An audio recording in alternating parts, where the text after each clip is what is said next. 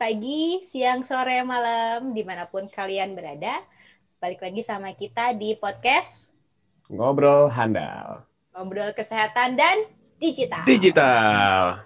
Oke, kali ini saya ditemani dengan rekan saya. Reza.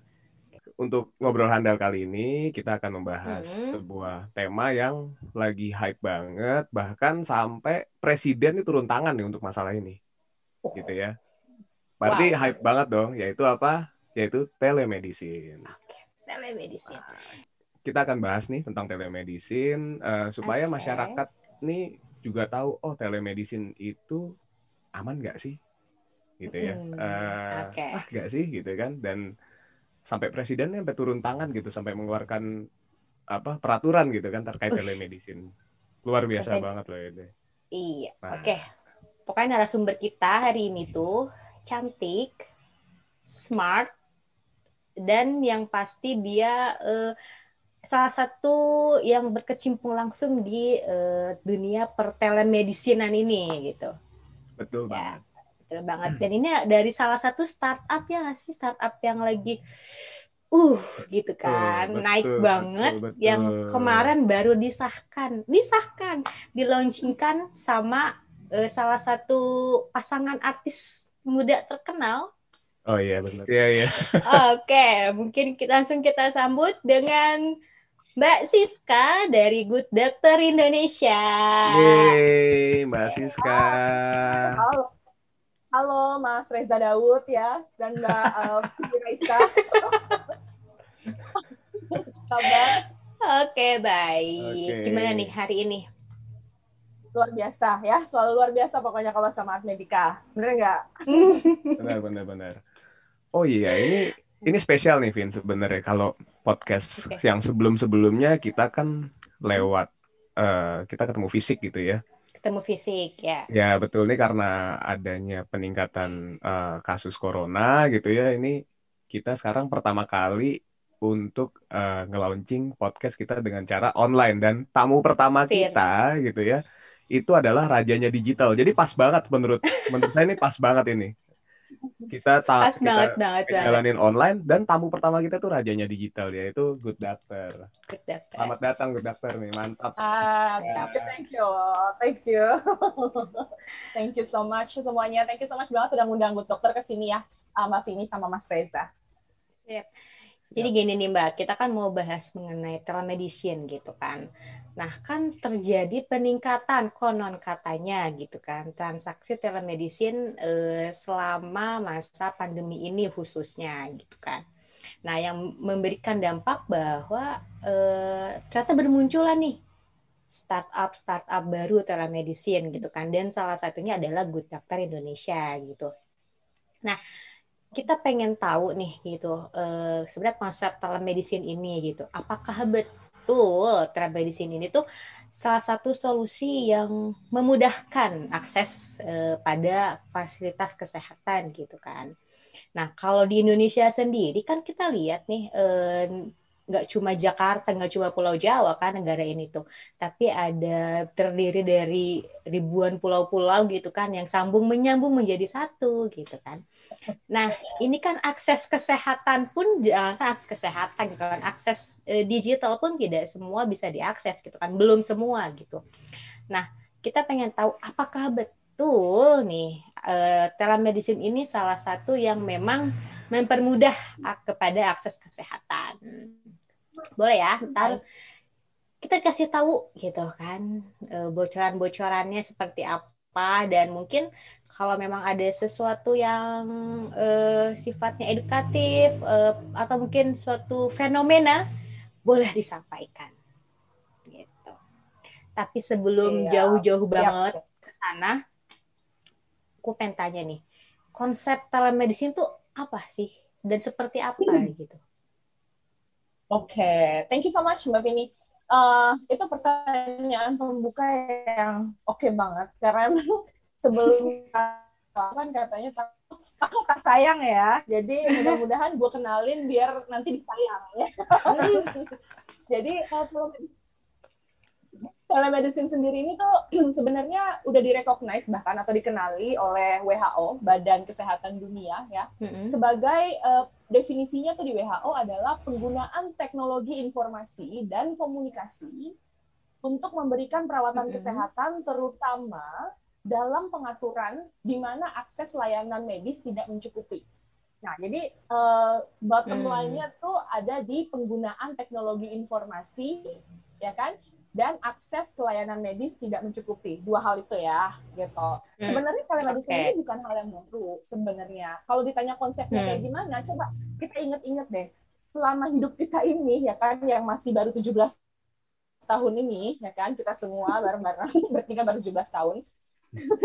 nice. Enggak sih kita pernah nggak sih kita punya kenalan dokter, ya kan? Atau tenaga kesehatan apa pun uh -huh. lah gitu ya. Terus kita lagi kita lagi uh, butuh saran medis nih gitu. Misalnya uh, misalnya habis kena panci kena, uh, kena air panas gitu kan. Atau uh, anak kita demam mm -hmm. misalnya ya kan. Uh, pernah nggak kita uh, dalam hal urgensi itu karena kita lagi panik banget akhirnya kita menghubungi teman atau kenalan medis kita itu gitu. Eh uh, aku habis oh. kena air panas oh. gitu. Ini bagusnya diapain ya? Gitu untuk hal pertama dulu yang harus aku lakukan aku berkonsultasi dulu sama kenalan medis aku itu. Jadi ini bukan hal yang baru. Ini hal yang sudah ada dari zaman kita dulu gitu kan. Cuma memang saat ini di industri 4.0 apalagi sudah direcognize juga sama lembaga kesehatan dunia gitu kan badan kesehatan dunia mm-hmm. telemedicine memang sekarang ada platformnya. Jadi nggak cuma main asal mm aku kenal sama dokter doang atau aku kenal sama tenaga kesehatan. Terus aku cuma bisa konsul sama dia tapi sekarang ada penyelenggaranya nih ada platformnya bermacam-macam di luar sana yang memungkinkan ribuan dokter ketemu sama jutaan um, pasien.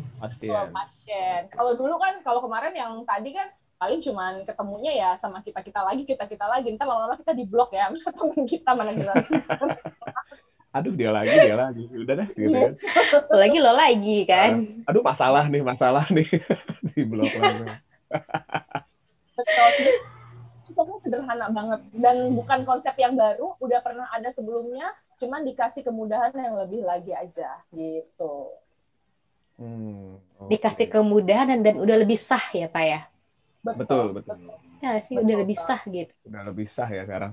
Tapi gitu. sebenarnya gitu. kalau di Indonesia sendiri itu uh, telemedicine itu memang baru diatur di pada saat COVID ya, benar ya?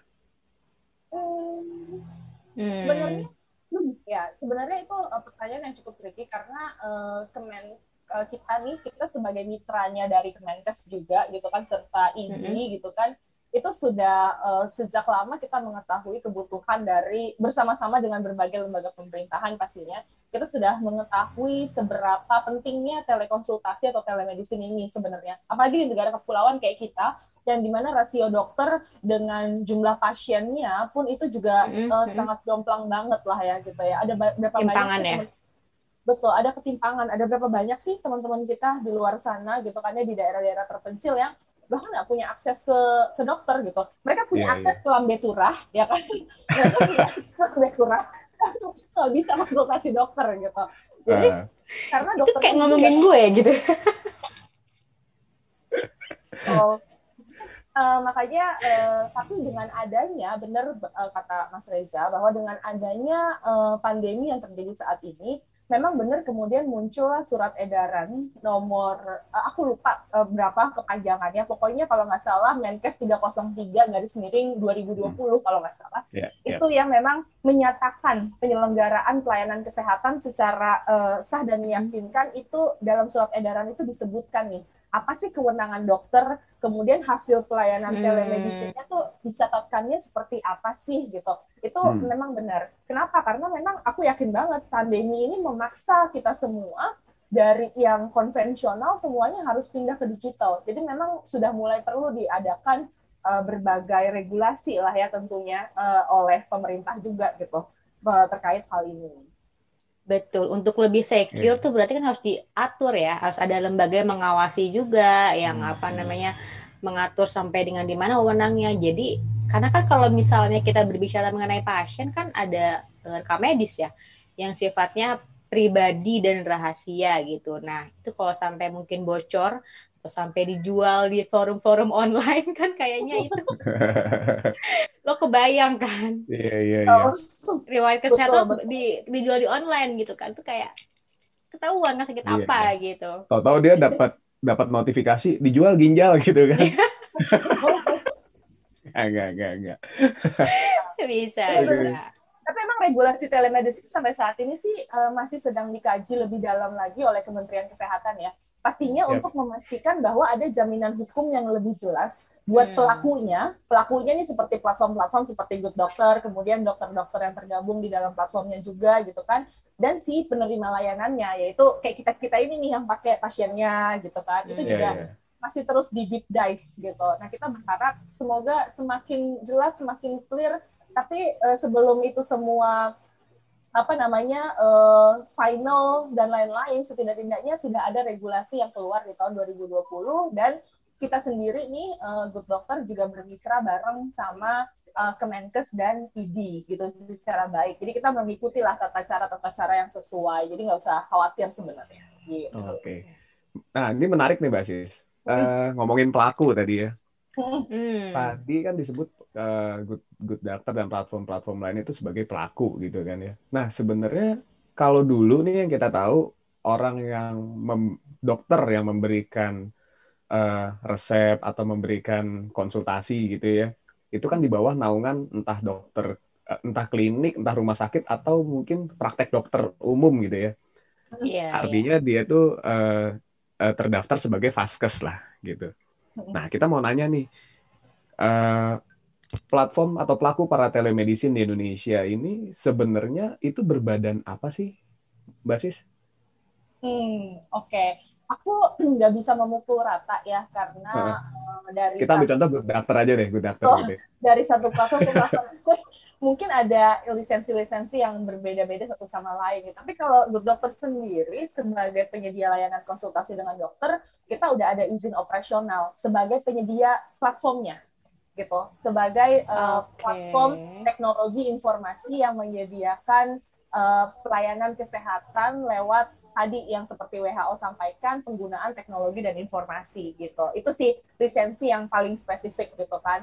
Plus juga ya kita bergerak sesuai dengan arahan Kemenkes dan ID yang tadi sempat aku sampaikan juga. Dan semua regulasi yang udah ada keluar sekarang itulah yang menjadi acuan kita. Termasuk yang tadi aku bilang tuh yang barusan Google HK 02.01 garis miring Menkes garis miring 303 garis miring 2020 itu yang jadi pacuan eh, acuan kita berserta dengan lisensi-lisensi kita yang tadi aku sebutkan gitu. Oke, oke. Hmm. Oke, berarti eh, sebenarnya juga sudah diatur gitu. Nah, kita mau nanya juga tentang dokternya nih. Karena ini bukan rumah sakit atau bukan klinik yang dokter tuh ngantor gitu kan ya. Iya, Dok- iya, iya. dok- dokternya ini statusnya gimana nih, eh, Mbak Siska? Freelance. Freelance gitu kan? Tahu, aduh nyari nyari dokter aja deh nyari kayak gitu. Atau dokter ini adalah dedicated for good doctor. Nah, gitu. Nah,